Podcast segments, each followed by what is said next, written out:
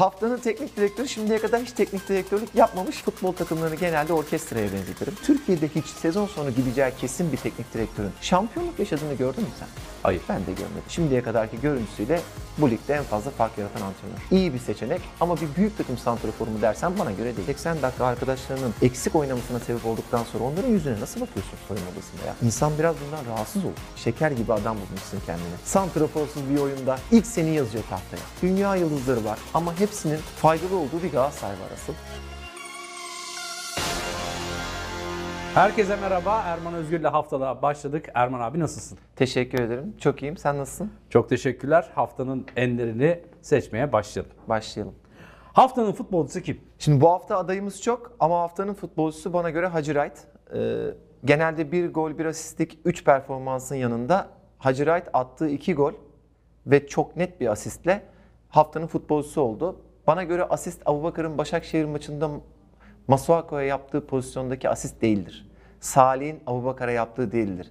Hacı Wright'ın son golde yaptığı asisttir. O yüzden asist de gol kadar değerli olduğundan dolayı Hacı Wright'ın bu haftanın futbolcusu olduğunu düşünüyorum. Ama Abubakar'ın Beşiktaş'ın taşıdığını, Bayiç'in Giresunspor'da iş yapmadan o takımın puan alamadığını ve Edin Visca'nın da Trabzonspor forvet hattının ruhu olduğunu hatırlattığı bir haftayı geride bıraktık. Bu üç oyuncunun hakkını vererek Hacı Wright haftanın futbolcusu.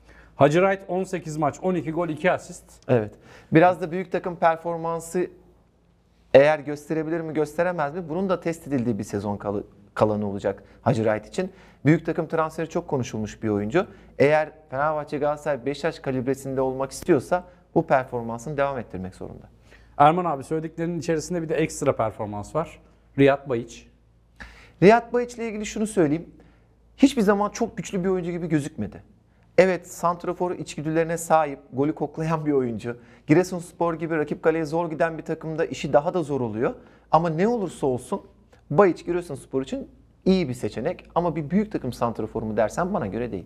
24 maç, 9 gol, 2 asist yaptı bu sezon. Evet. Yine özellikle Karagümrük'e karşı 2-0 öne geçtikten sonra eğer topu biraz daha önde tutabilseydi Giresunspor 3 puan da alabilirdi. Ama nihayetinde bana göre bu ligde Giresunspor'un aldığı her puan çok değerli. Kesinlikle.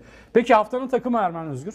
Haftanın takımı Beşiktaş. Her ne kadar Başakşehir Avrupa dönüşü bir parça yorgun bir parça rotasyonlu da olsa Başakşehir deplasmanındaki ilk maçta da Beşiktaş Başakşehir'e kendi sahasında mağlup oldu. Emre Belözoğlu'nun takımları her zaman zor rakiplerdir, zor takımlardır, zor maçlardır.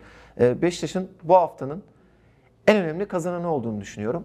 Bu kazanmak neye yeter bilmiyorum ama en azından Şenol Hoca geldikten sonra oyun kalitesi çok tatmin etmese de üst üste maçlar kazanan bir Beşiktaş seyrediyoruz. Ee, hala Gezal dönmemiş olmasına rağmen önce Cenk Tosun'un çabalarıyla şimdi Abubakar'ın çabalarıyla devam ediyorlar. Oyun kalitesi düşük ama kazanan bir Beşiktaş var. Gezal dönmedi dedin. Neden dönemiyor? Güzel soru. Şimdi rehabilitasyon döneminde uzun sakatlıklardan sonra birçok oyuncu sadece tedavi olup işin kuvvet kısmını görmezden geliyor. Bu kuvvetsizlik de tam döneceğin zaman sana başka küçük sakatlıklar getiriyor. Bana göre Gezal'ın problemi bu. Yani bunu şununla kıyaslamak istiyorum. Tuhaf gelmesin kimseye. Mustera sık sık sakatlanan bir oyuncu ve uzun süreli sakatlıklar yaşıyor ama her zaman beklenenden daha önce geliyor. Hiç Mustera'nın ülkesine gidiyor tedavi olmaya diye bir e, haberini ben okumadım da görmedim de. Ama Gezal tedavi olmaya Fransa'ya gitti. Geldi yine bir sakatlık. Geldi bir daha bir sakatlık. Neden Türkiye'de değil de kendi ülkelerinde onu bilmiyorum ama bana göre en doğru tedaviyi ve en çabuk dönüşü bizim ülkemizde tedavi olarak yapabilirler. Bunu tercih etmeyenler de genelde süreyi uzatıyor. O zaman haftalıkta haftanın teknik direktörüne geçiyoruz. Haftanın teknik direktörü kim? Haftanın teknik direktörü şimdiye kadar hiç teknik direktörlük yapmamış Orhan Ak. Çünkü e, elinde nihayet Edin Visca ve Hamşik'in dönüşüyle beraber güçlü bir kulübesi olan Trabzonspor vardı. Adana Demirspor'un 10 kişi kalmasından sonra doğru zamanda bu oyuncuları oyuna atıp Trabzonspor'a çok farklı bir galibiyet getirdi Orhan Ak. Trabzonspor'da devam eder mi? Edemez. Çünkü Trabzon'da adımı rahat bırakmazlar.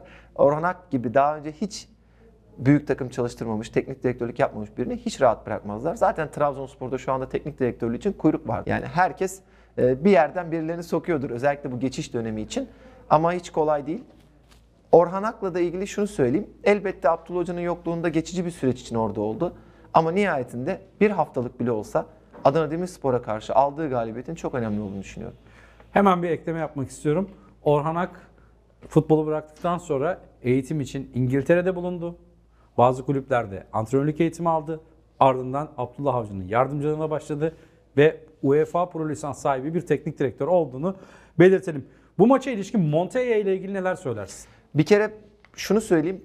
Sezon sonunda İstanbul takımlarından bir tanesinin yöneticisi olsam ve yeni bir teknik direktör arıyorsam ilk Montella'ya bakarım Hakan. Maçın 20. dakikasında Belhanda'nın atılmasından sonra 33. dakikada çok önemli bir değişiklik yaptı. Bugüne kadar fark yarattığı santraforsuz oyundan vazgeçip savunmayı üçlü en önde Şerif Endia'ya atarak 3-5-1 gibi bir tarza döndü ve o andan itibaren Adana Demirspor'un eksik oynadığını hiç hissetmedik.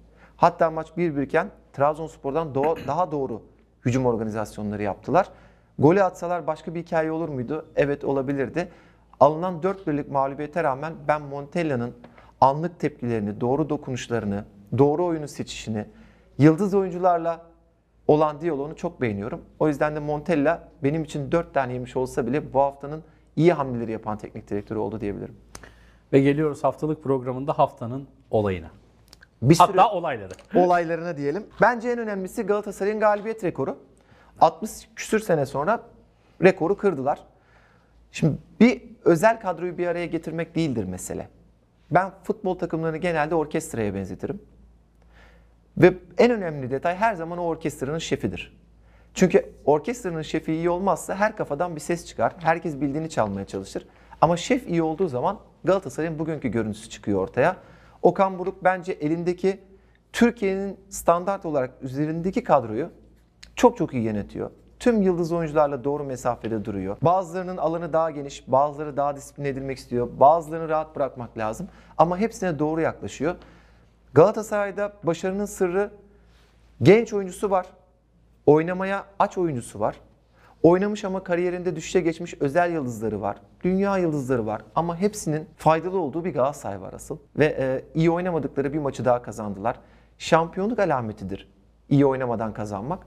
Winner oyuncusunun çok olması. Her ne kadar Mertens'i aramış olsalar da, Mata'dan faydalanamıyor olsalar da nihayetinde kulübeden işi çözdüler. Ve Okan Hoca şimdiye kadarki görüntüsüyle bu ligde en fazla fark yaratan antrenör. Hemen bu maça ilişkin e, en önemli notu hatta galibiyetten, rekorlardan da daha önemli bir notu e, aktaralım. O da Muhammed Emin Özkan isminin anons edilmesi.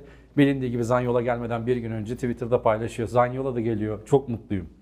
E, minvalinde bir tweet paylaşıyor kardeşimiz. Fakat depremde hayatını kaybediyor. 17 yaşında olduğu için de Zanyola 17 numaralı e, formayı giyiyor. Ve o da ilk golünü, e, Zaniolo da ilk golünü attı.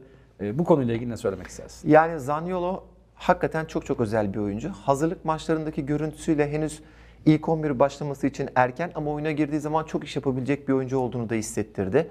Okan Hoca da çok doğru zamanda kullandı. Okan Hoca'nın forma adaletinde en güzel örneği şöyle verebilirim sana. Yunus sezon sonu geldiğinde Okan Hoca beni oynatmadı diyemez. Bana şans vermedi diyemez.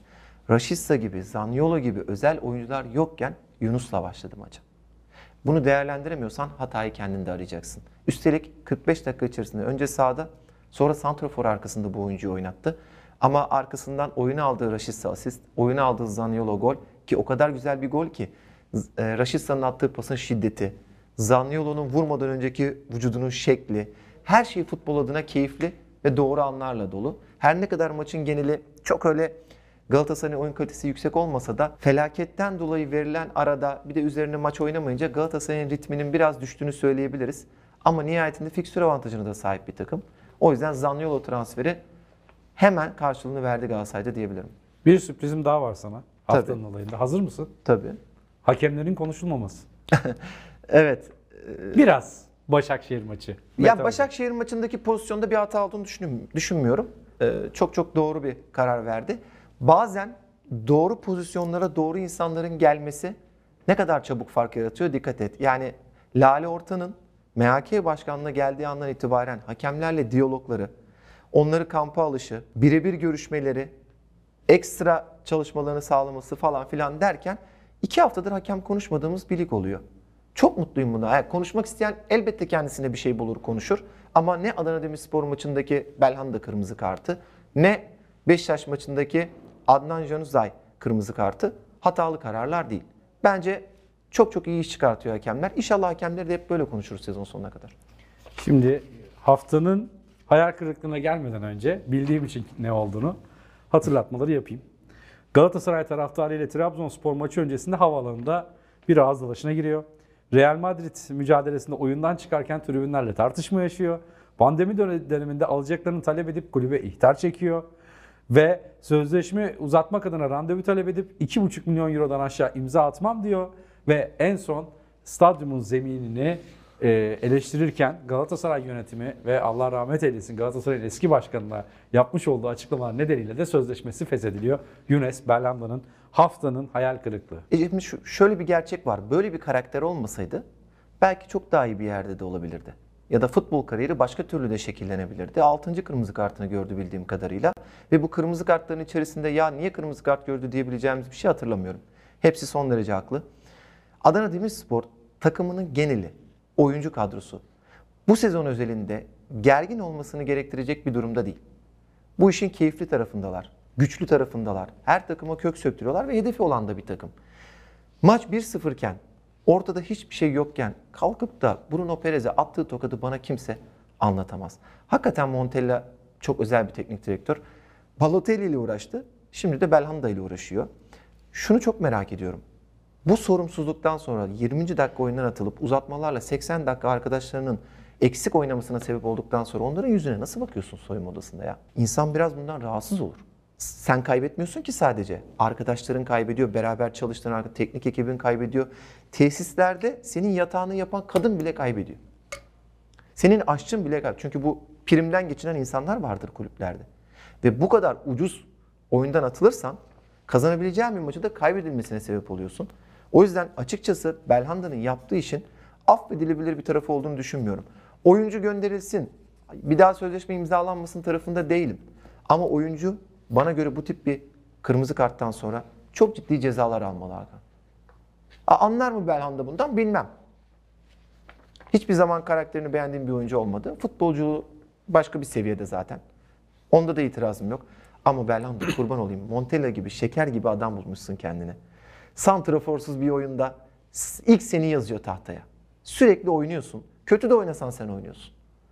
Paranı kazanıyorsun. Adana gibi futbolcu böyle el üstünde tutan bir şehirde yaşıyorsun. Ne istiyorsun birader sen ya? Bunu anlamak mümkün değil. Erman abi haftanın sürprizi. Ee, haftanın sürprizi bana göre çok futbolun içerisinde olmayan bir olay. Jesus'un bizim önümüze düşen açıklamaları diyeyim. Bizim önümüze nasıl düştüğünün bir anlamı yok. Nihayetinde düşmüş. Fenerbahçe şampiyonluk şansı olan bir takım Hakan. Bugün 9 puan var ama aslında 6 puan var. İşte deplasmanda Galatasaray'la oynayacak. Belki galibiyet hayal ediyor. Bir kez daha puan kaybederse hala çok ciddi şansı olan bir takım. Peki Türkiye'de hiç sezon sonu gideceği kesin bir teknik direktörün şampiyonluk yaşadığını gördün mü sen? Hayır. Ben de görmedim. Fenerbahçe'nin şampiyonluk şansını azaltan şey sadece Galatasaray'ın çok iyi gidişi değil. Jesus'un bizim önümüze düşen açıklamaları da çok büyük bir sıkıntı. Ve Sevilla maçında işler kötü giderse ki çok zor bir hikaye. Ondan sonra bunun lige de yansıma ihtimali fazla. Hiçbir oyuncu bundan 3 ay sonra takımın başında kalmayacak bir adam için canını dişine takmıyor futbolda. Çok fazla fedakarlık yapmıyor. Yeni sezon planlamalarında bu teknik direktör yoksa motivasyonu yüksek olmuyor. O yüzden Fenerbahçe yönetiminin Cessun bu açıklamalarından sonra nasıl bir tavır takınacağını çok merak ediyorum ben. İşleri çok zor. Erman abi ağzına sağlık. Teşekkür ediyorum. Önümüzdeki hafta Erman Özgür'le haftalık programında tekrar görüşmek dileğiyle kanalımıza abone olmayı, videoları beğenmeyi unutmayın. Hoşçakalın.